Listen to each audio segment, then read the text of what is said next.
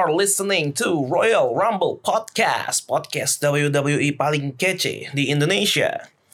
Hari ini gue sendirian karena seperti The Miz dan Shane McMahon, gue sama Randy sedang pecah kongsi. Enggak lah, um, nggak seperti mereka sih, cuma emang kebetulan hari ini gue lagi kurang sehat. Jadi gue nggak yakin sebenarnya tadi bisa recording uh, podcast ini atau enggak, makanya gue nggak nggak sama Randy saat ini. Tapi syukurnya gue udah merasa enakan jadi ya here you go. Seperti yang gue janjikan, gue akan memberikan review dan tanggapan gue mengenai Fastlane 2019 yang baru aja berakhir. Nah, seperti yang gue bilang bahwa ini berpotensi menjadi salah satu PPV paling wadaw di tahun ini yang dilakukan WWE. Dan bener aja, ada banyak faktor yang membuat PPV ini begitu menarik, begitu menyenangkan. Bahkan kalau menurut pendapat gue pribadi ini merupakan PPV yang paling gue nikmatin sih sepanjang tahun 2019 ini. Um, kita mulai langsung aja. Pertama kita punya pre-match show-nya. Uh, sorry, pre-show kick-off match yaitu antara The New Day, Big E dan Xavier Woods menghadapi Rusev dan Shinsuke Nakamura. Um, Sebenarnya tadinya kick off show-nya dijadwalin itu Andrade lawan Rey Mysterio, cuma entah kenapa match itu tidak jadi diadakan di kick off show, tapi ditambahkan ke uh, ke Fastlane-nya sebagai Fatal Four Way untuk memperebutkan United States Championship uh, ulangan dari SmackDown Live minggu kemarin ya.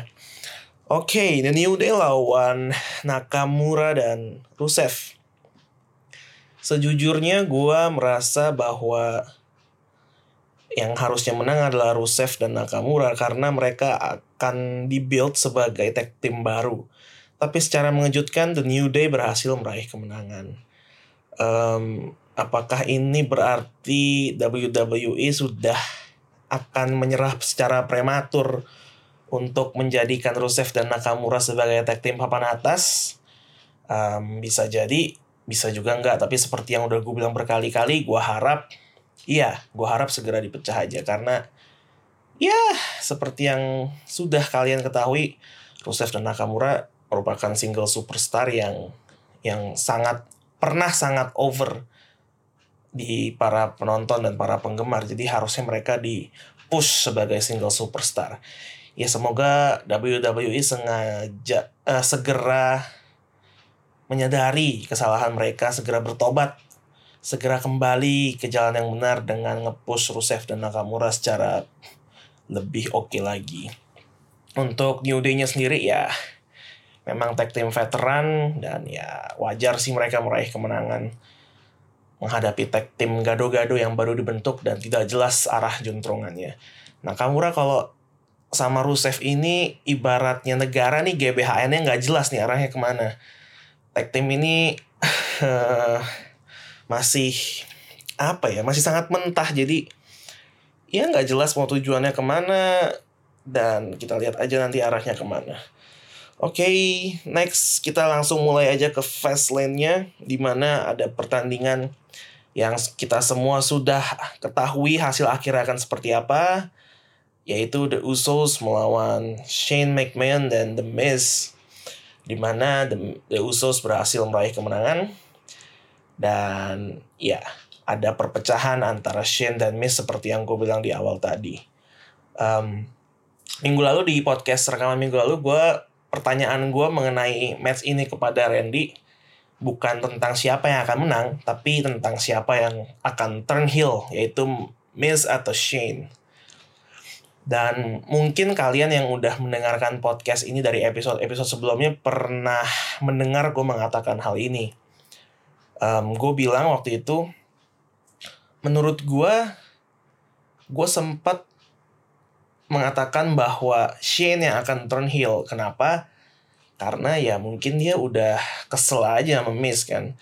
Uh, di tag team ini memang Shane yang lebih dominan dan Miss kerjanya kayak cuma ayo ayo nyuruh nyuruh doang dorong Sean untuk coast to coast untuk ini untuk itu dan ya bisa aja dia udah udah enek banget ya udah empat banget jadi turn heel. Tapi gue mengubah prediksi gue menjadi kayaknya Miz yang akan kembali ke habitat asalnya yaitu menjadi seorang heel. Karena ya lihat aja kelakuan Miz pas uh, mereka hilang titlenya. Jadi itu faktor pertama yang membuat gue mengubah prediksi gue jadi ya Miz yang akan heel. Kedua, um, Fastlane ini diadakan di Cleveland, di hometownnya The Miz.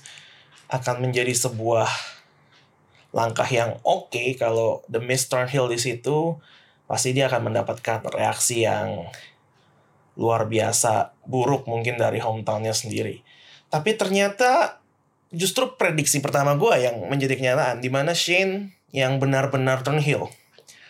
Um, gue sempat ngira, waduh, ini nggak ada yang turn heel nih. Di mana setelah mereka kalah, Shane sama Miz justru saling menguatkan, saling respect, terus ke ayahnya Miss juga uh, pelukan dan uh, apa ya memberikan semangat lah ya kita bisa kita bisa untuk ke depannya. Tapi ternyata kemudian Shane menghajar Miss dari belakang. Dia juga sempat mengancam atau meluapkan amarahnya kepada ayahnya Miss. Um, menyebabkan Miss terkapar dan kemudian kita memiliki seorang McMahon yang heel uh, another McMahon heel hmm, gue nggak inget kapan terakhir kali Shane jadi heel. Jadi ini merupakan sebuah langkah yang segar sih. Dan keinginan gue untuk melihat Miz sebagai face lebih lama juga terkabul. Um, karena Miz selama ini jadi face-nya kalau katanya Randy agak-agak tolol gue ingin melihat sekarang Miss menjadi face yang lebih proper, menjadi face yang lebih lebih terlihat kuat lah, lebih lebih sebagai superstar yang bonafit. Jadi ya semoga aja Miss bisa membuktikan diri bahwa dia nggak cuma bisa memerankan heel dengan baik, tapi juga face dengan baik. Dan kemungkinan kita akan meng menyaksikan match terakhir antara Miss dan Shane di WrestleMania seperti yang udah dirumorin dari sejak lama banget. Um, kemudian next matchnya kita punya Asuka yang berhasil mengalahkan Mandy Rose untuk mempertahankan gelar juara SmackDown Women's Championship. Um, yang menarik bukan hasil akhirnya karena um, gua rasa mayoritas penggemar WWE yakin Asuka tetap akan retain dan gak mungkin dibiarkan lepas titlenya begitu aja. Um, tapi adalah manner kalahnya Mandy Rose.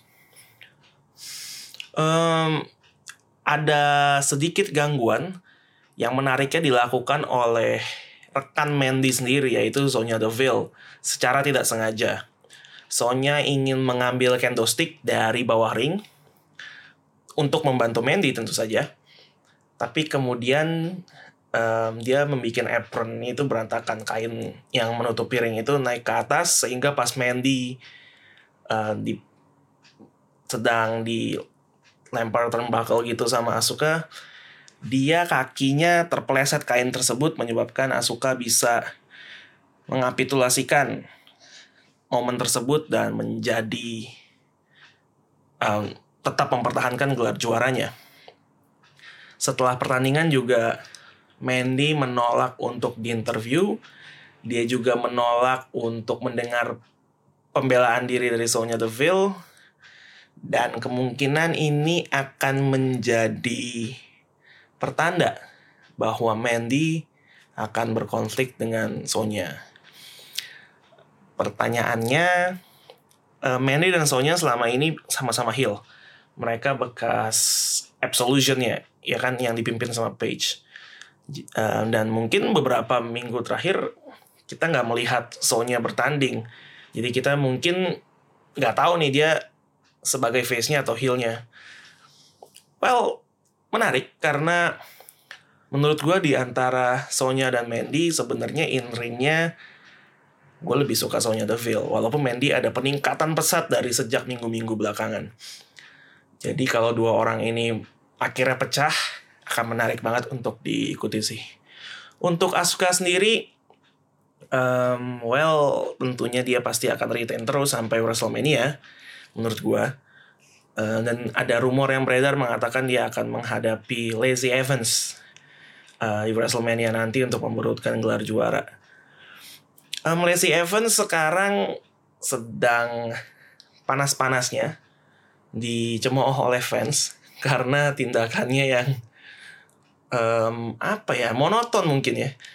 Kita tahu kalau musiknya Lazy Evans sudah main, Lacey Evans akan muncul tapi tidak akan berbuat apa-apa selain melambaikan tangan, berjalan lenggak-lenggok ke sepanjang jalan menuju ring, kemudian dia akan melakukan U-turn dan kembali ke backstage.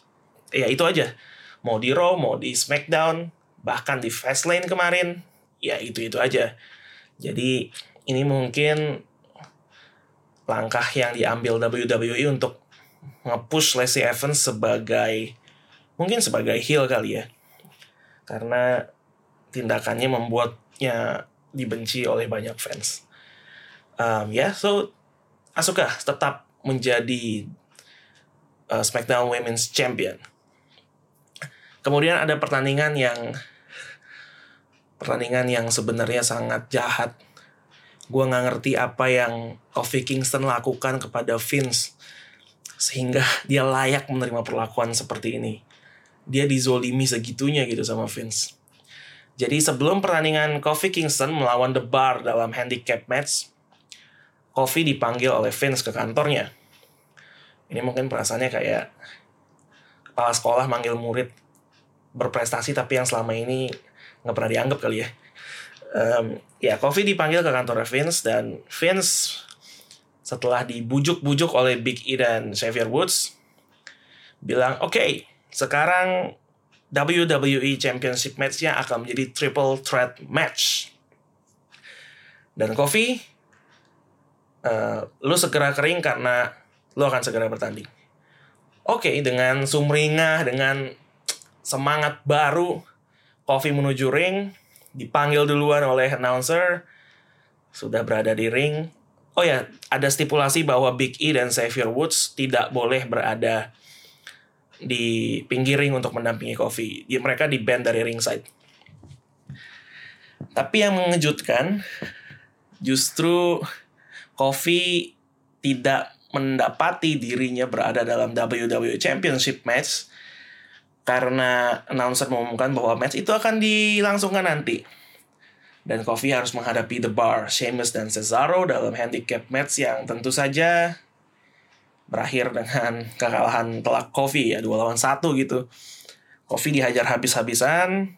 Uh, Big E dan Xavier Woods sempat ingin membantu tapi kemudian mereka juga dihajar di ringside oleh Rusev dan Nakamura. Mungkin masih dendam kali uh, gara-gara kalah di kick-off show. Dan ya nasib Kofi begitu begitu malang um, tapi ini membuat membuat fans justru makin berada di sisinya Kofi um, ini Kofi benar-benar diportray sebagai seorang yang dicurangi segitunya, tidak diberikan kesempatan segitunya padahal dia sangat layak mendapatkannya. Dan ini membuat fans benar-benar bersuara dengan lantang mendukung Kofi. Ya, Kofi Mania is in full power. Um, dan kenapa debar yang dipilih gue juga nggak tahu ya mungkin karena mereka nggak ada konfliknya aja gitu. Um, aneh aja sih debar jadi tiba-tiba out of nowhere tiba-tiba debar handicap match two on one lawan Kofi Kingston. Kenapa juga gitu kan? Nggak ada urusannya sebenarnya. Well anyway ya kasihan sih Kofi. Tapi kalau ini ujungnya adalah Kofi mendapatkan pertandingan di WrestleMania untuk WWE Championship match, it's okay. Gue dukung.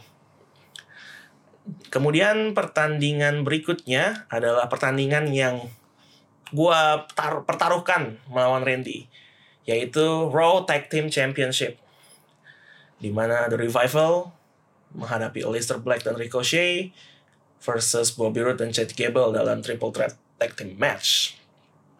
Ren, sorry bro, but this time match ini dimenangkan oleh gue. The Revival retain championship mereka dengan mengalahkan kedua tim, uh, lebih tepatnya Chad Gable yang dipin oleh The Revival setelah dihantam menggunakan Shatter Machine.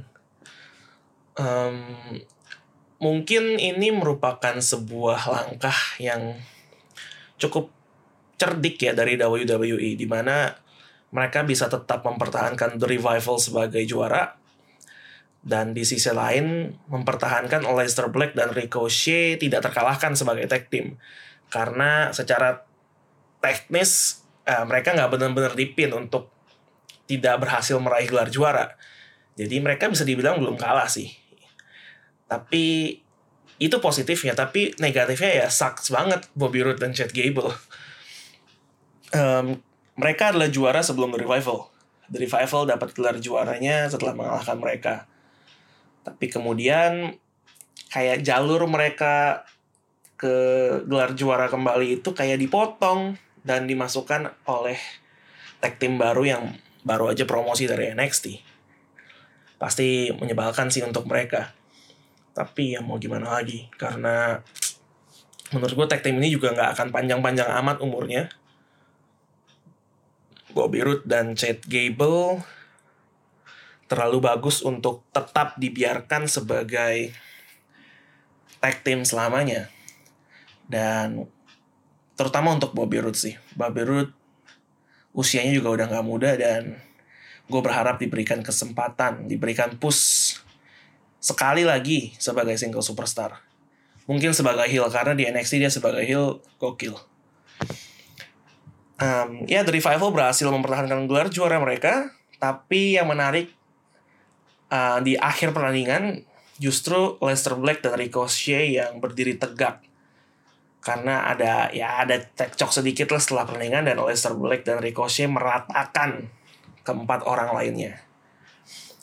Um, kemungkinan mereka akan tetap dipush sampai ke WrestleMania. Mungkin justru mereka yang akan mendapatkan gelar juara dari The Revival di WrestleMania nanti.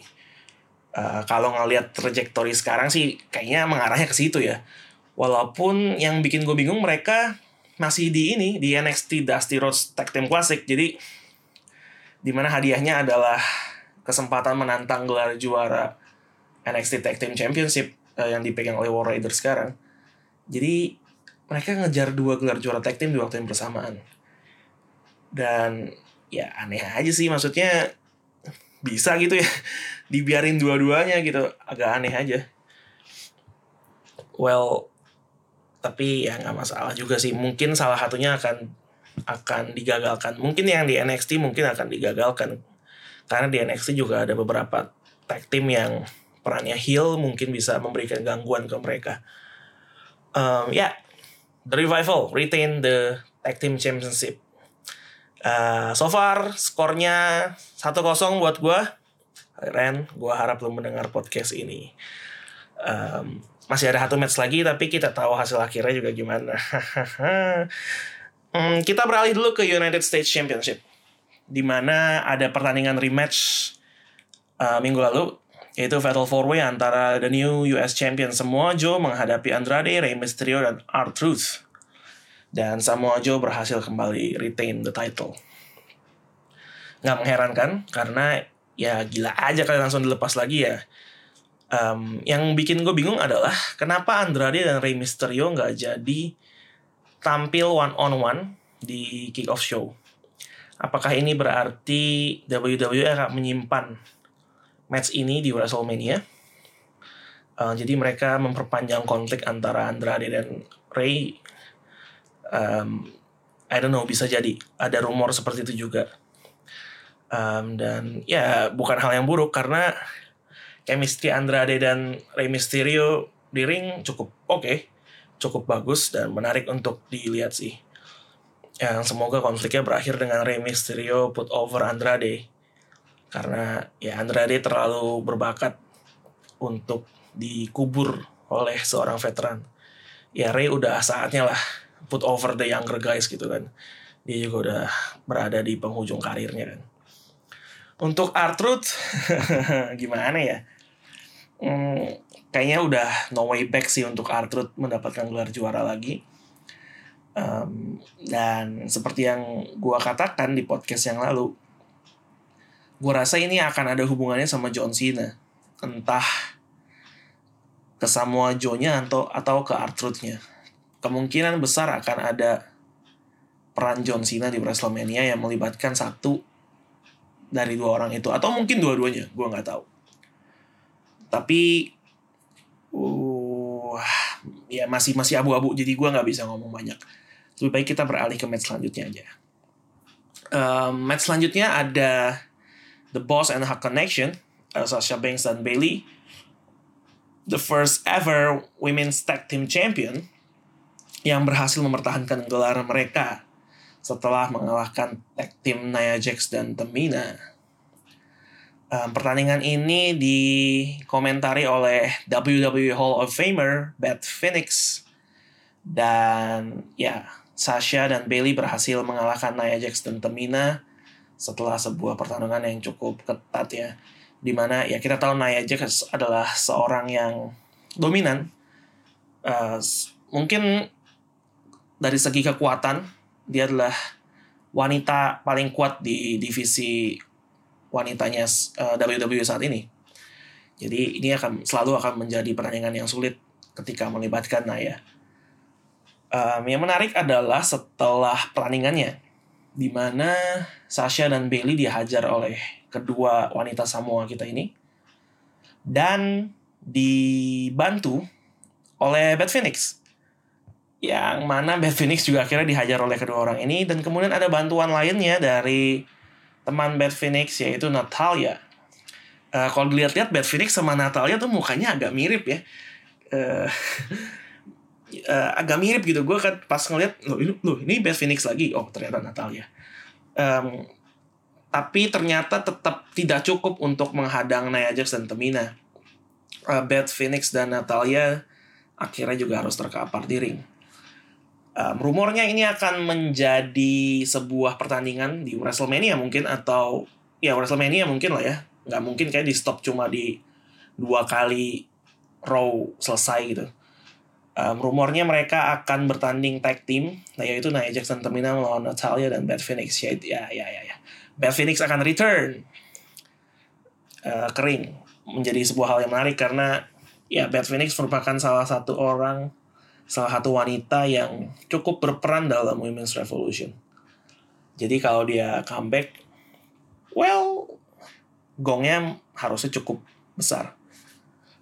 Um, jadi spotlightnya di match ini tidak terlalu ke Sasha dan Bailey sebenarnya karena mereka berhasil retain, melainkan ke orang yang sebenarnya nggak ikut bertanding yaitu ya Beth um, dan kemungkinan konfliknya mereka dengan Nia Jax dan Tamina sudah selesai. Mungkin sudah selesai atau at least satu match lagi. Um, di WrestleMania seharusnya tidak melawan mereka lagi. Rumor-rumornya yang seperti gue bilang melibatkan banyak pihak yaitu The Sky Pirates, The Iconics, bahkan Tristratus dan Lita. Jadi masih banyak peluang untuk lawan selanjutnya bagi The Boss and Hulk Connection. Dan oke okay, itu aja. Next match kita lanjut lagi dalam pertandingan yang mengukuhkan kemenangan gue melawan Randy dalam battle prediksi kita. Walaupun gue nggak nggak nggak tahu sih match ini bisa dihitung atau enggak karena matchnya seharusnya one on one tapi ditambahkan menjadi triple threat match dengan kehadiran Mustafa Ali. Ya, ya ini yang tadi Vince bilang bahwa matchnya akan menjadi triple threat.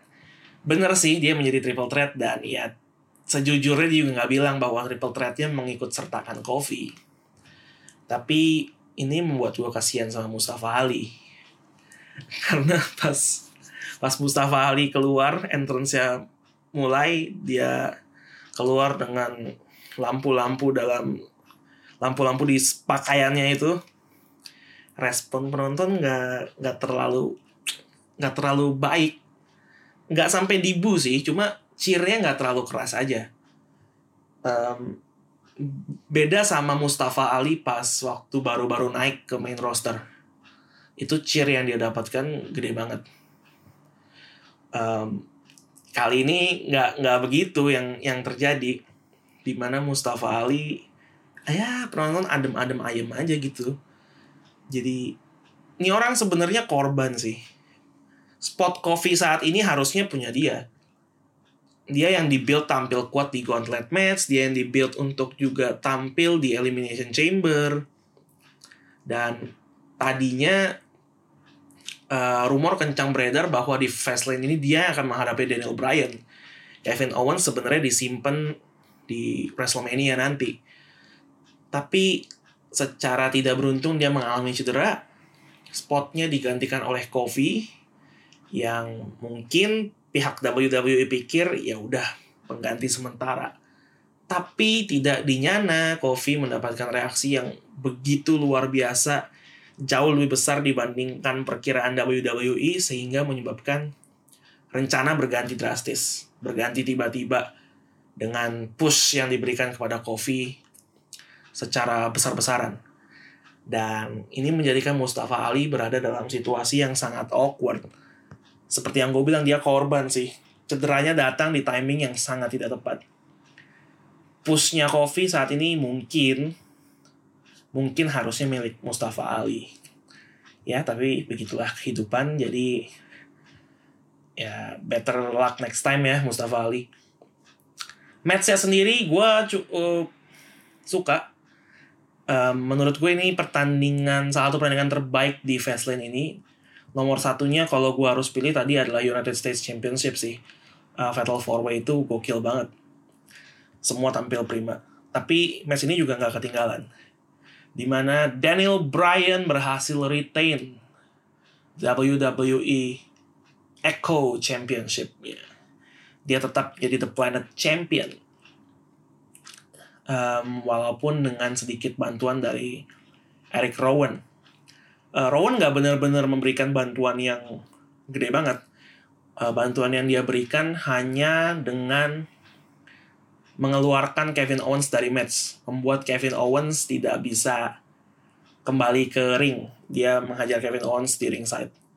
Sehingga Daniel Bryan mendapatkan kesempatan untuk uh, menaklukkan Mustafa Ali di ring, melakukan pin melakukan pinfall dengan running knee strike ketika Mustafa Ali ingin melakukan um, apa high flyer move-nya. So, yeah, Daniel Bryan is still your WWE Champion. Um, gue suka banget sama runnya Daniel Bryan sebagai juara.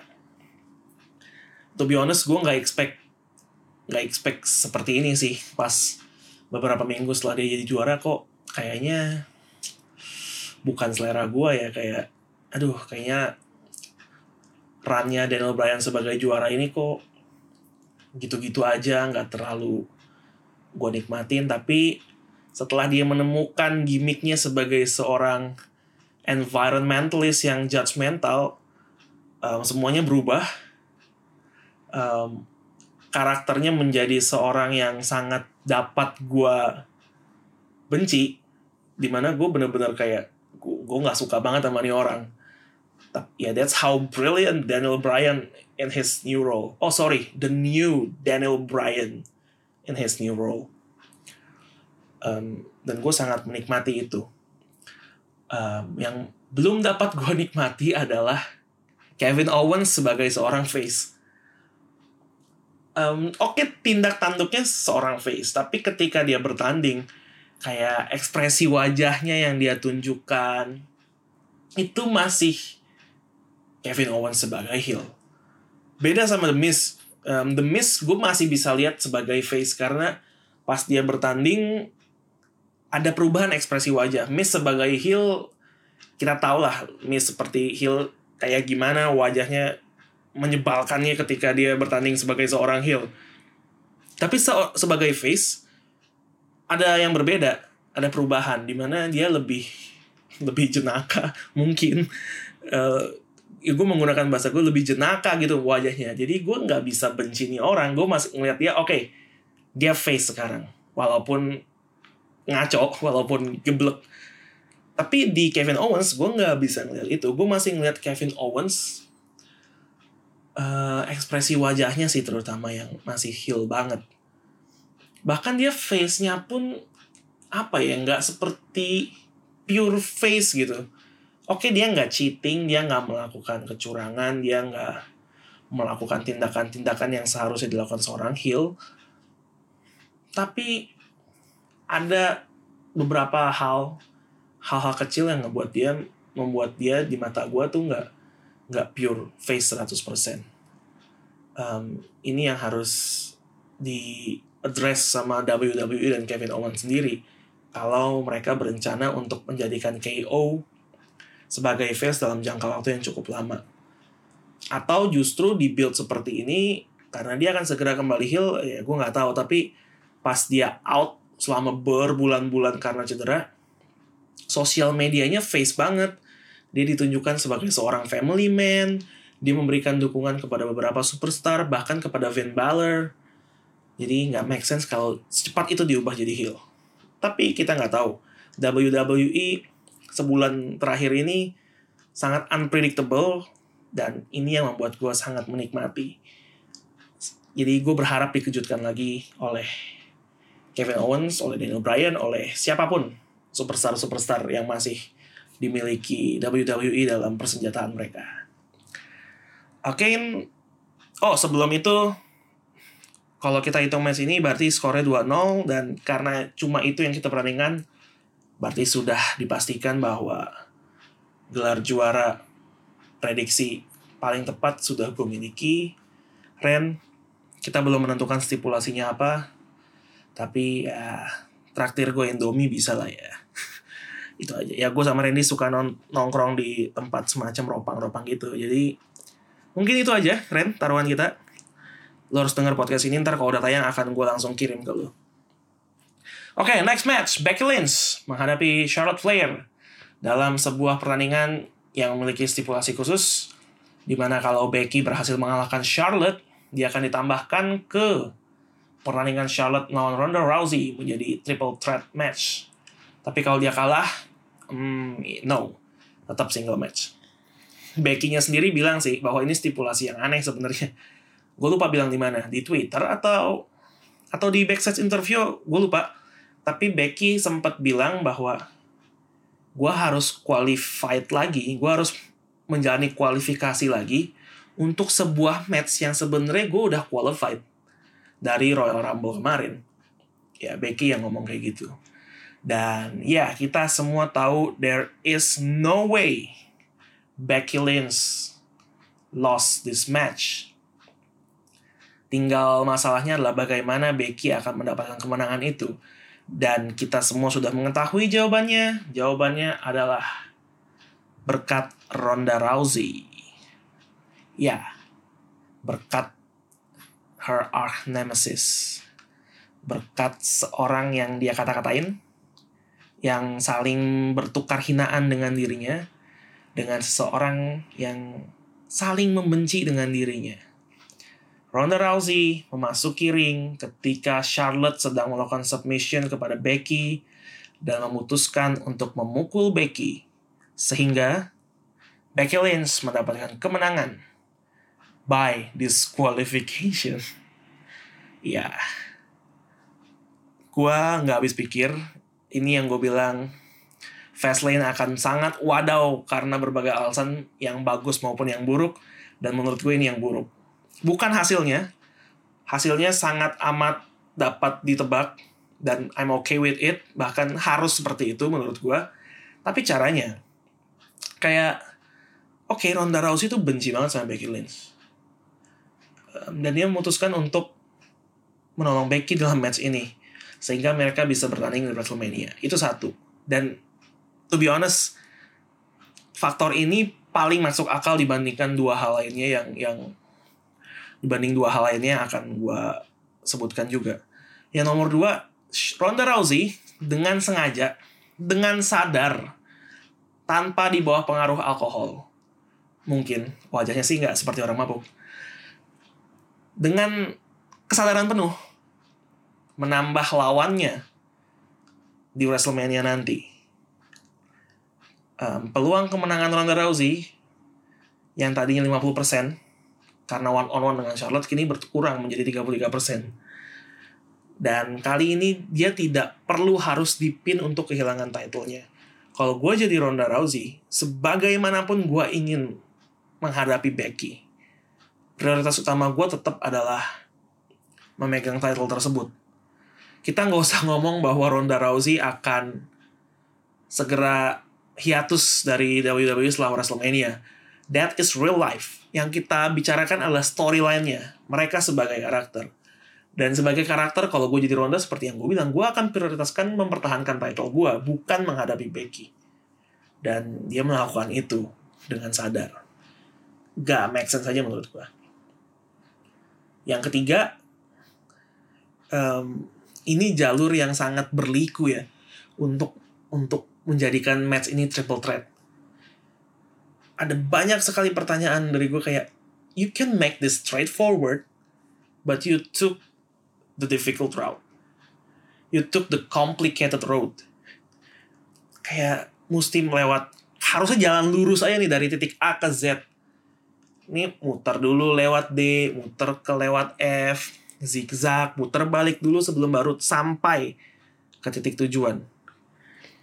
Um, gak masuk akal menurut gue. Becky Lynch menang Royal Rumble, kesempatan itu diambil dari dia Ronda Rousey menyerahkan titlenya kemudian diperbutkan oleh dua superstar yang bahkan tidak berada di brand yang sama tapi kemudian diberikan lagi kepada Ronda Rousey pada malam yang sama um, dan masih banyak hal lainnya yang yang di podcast podcast episode sebelumnya sudah gue pertanyakan.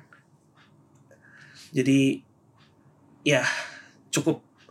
Gue nggak tahu lagi masih ada empat minggu sampai WrestleMania dan gue nggak tahu apa yang akan dilakukan WWE kepada tiga orang ini. Storyline aduh storyline wa storyline wadaw macam apa yang masih akan kita saksikan selama empat empat minggu ke depan um, semoga sesuatu yang lebih masuk akal dan tetap menarik. Ya yeah, Becky Lynch the man is going to WrestleMania. Dan pertandingan terakhir di Fastlane ini dan juga bagi ketiga saudara ini yaitu pertandingan The Shield menghadapi Baron Corbin, Drew McIntyre, dan Bobby Lashley. Di mana The Shield dalam pertandingan terakhir mereka dalam tanda kutip berhasil mengalahkan The League of Not Quite Men Eventers. Um, pertandingan ini gue nggak terlalu ingin menganalisa. Gue hanya ingin menikmati.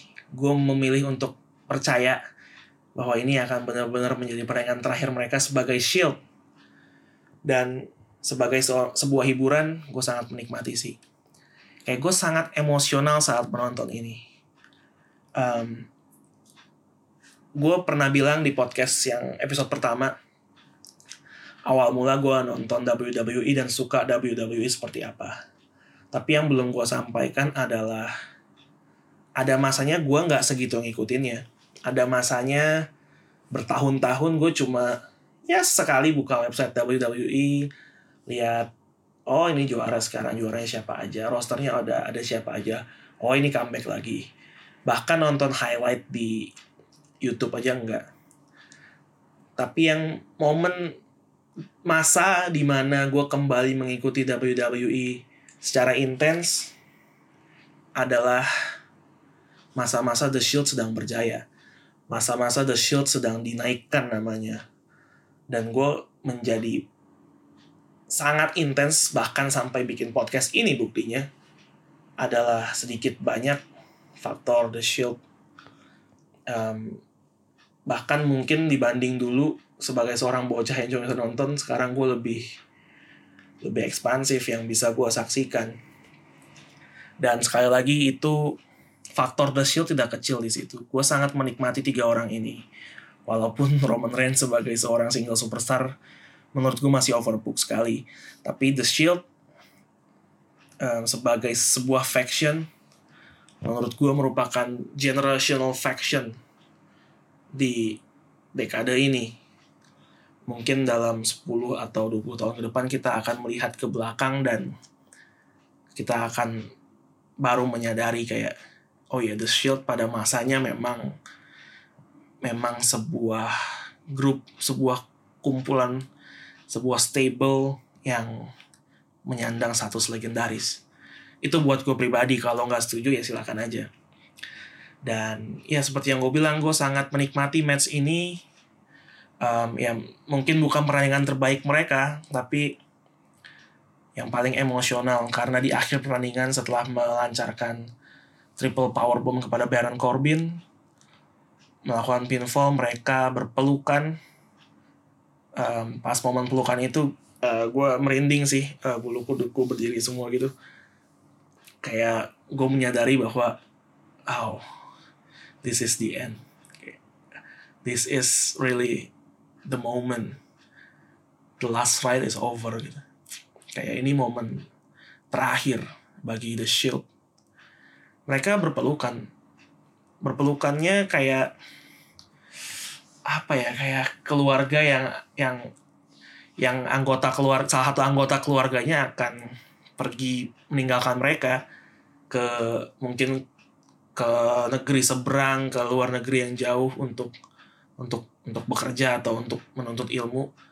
Dan mereka akan nggak ketemu dalam jangka waktu yang lama.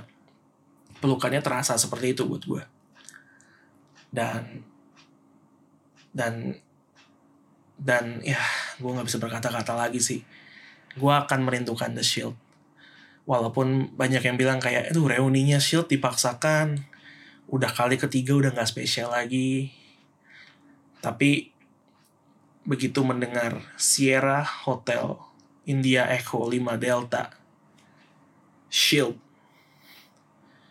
gua akan tetap bersorak gua akan tetap merinding dan gua akan tetap menyaksikan bahwa ini adalah faction yang membuat gue kembali mengikuti WWE secara intens. Um, dan seperti yang gue bilang, gue nggak mau bahas tentang matchnya karena gue bener-bener nggak apa ya, gue nggak nggak terlalu banyak menganalisa, nggak terlalu banyak mikirin ke depannya bakal gimana karena gue ingin menikmati aja dengan mindset bahwa ini benar-benar terakhir mereka. Cuma satu yang gue cermatin mungkin entah disengaja atau enggak, fist bump yang mereka lakukan di akhir pertandingan um, pose khas mereka menjulurkan tangan masing-masing. Kali ini ada yang berbeda. Biasanya um, yang di tengah adalah Roman Reigns. Beberapa kesempatan mungkin yang di tengah beda orang kayak kemarin pas Raw di Ambrose karena ya memang dia yang yang yang kemarin sempat dalam tanda kutip berkhianat dan dia kembali makanya ditaruh di tengah tapi um, dalam kesempatan biasanya itu Roman Reigns. Tapi kali ini no, not him. Yang di tengah adalah Seth Rollins. Um, seperti yang gue bilang, gue nggak tahu ini disengaja atau enggak.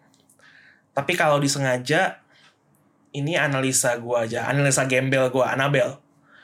Anabel gue aja. Mungkin ini adalah pertanda.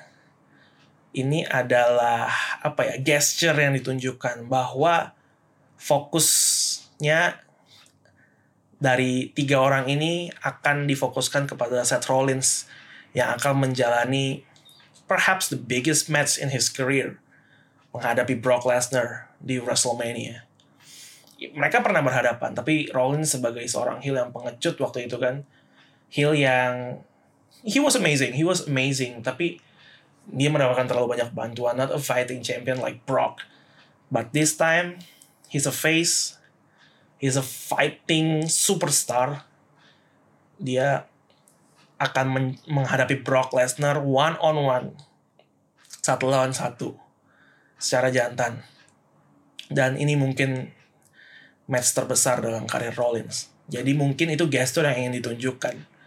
Bahwa oke okay, The Shield udah melipir ini last match kita dan dari ketiga orang ini dari kami bertiga spotlightnya kami serahkan kepada the architect, the king slayer, and hopefully the soon to be beast slayer, Seth freaking Rollins. Semoga itu yang terjadi. Atau mungkin gue cuma overanalyze aja, gue nggak tahu. Tapi kalau memang itu sengaja ya itu itu pandangan gue. The Shield, one last ride, is now over. Thank you. Dan dengan berakhirnya match tersebut, Fastlane juga sudah selesai. Um, kalau gue harus memberikan kesimpulan, uh, Fastlane merupakan sebuah taman bermain dengan begitu banyak wahana yang menyenangkan, yang menyeramkan, yang menentramkan hati. Semua ada di situ. Ada yang bikin deg-degan, ada yang bikin geleng-geleng kepala, ada yang bikin kita hampir menangis, ada yang bikin kita kayak mengernyitkan dahi. Everything is there. Jadi kesimpulan gue, Fastlane is amazing. Nyesel banget kalau lo nggak nonton uh, Fastlane karena ini merupakan mungkin bukan cuma di 2019 tapi mungkin di sebagian besar tahun lalu this is the best pay per view event dari WWE.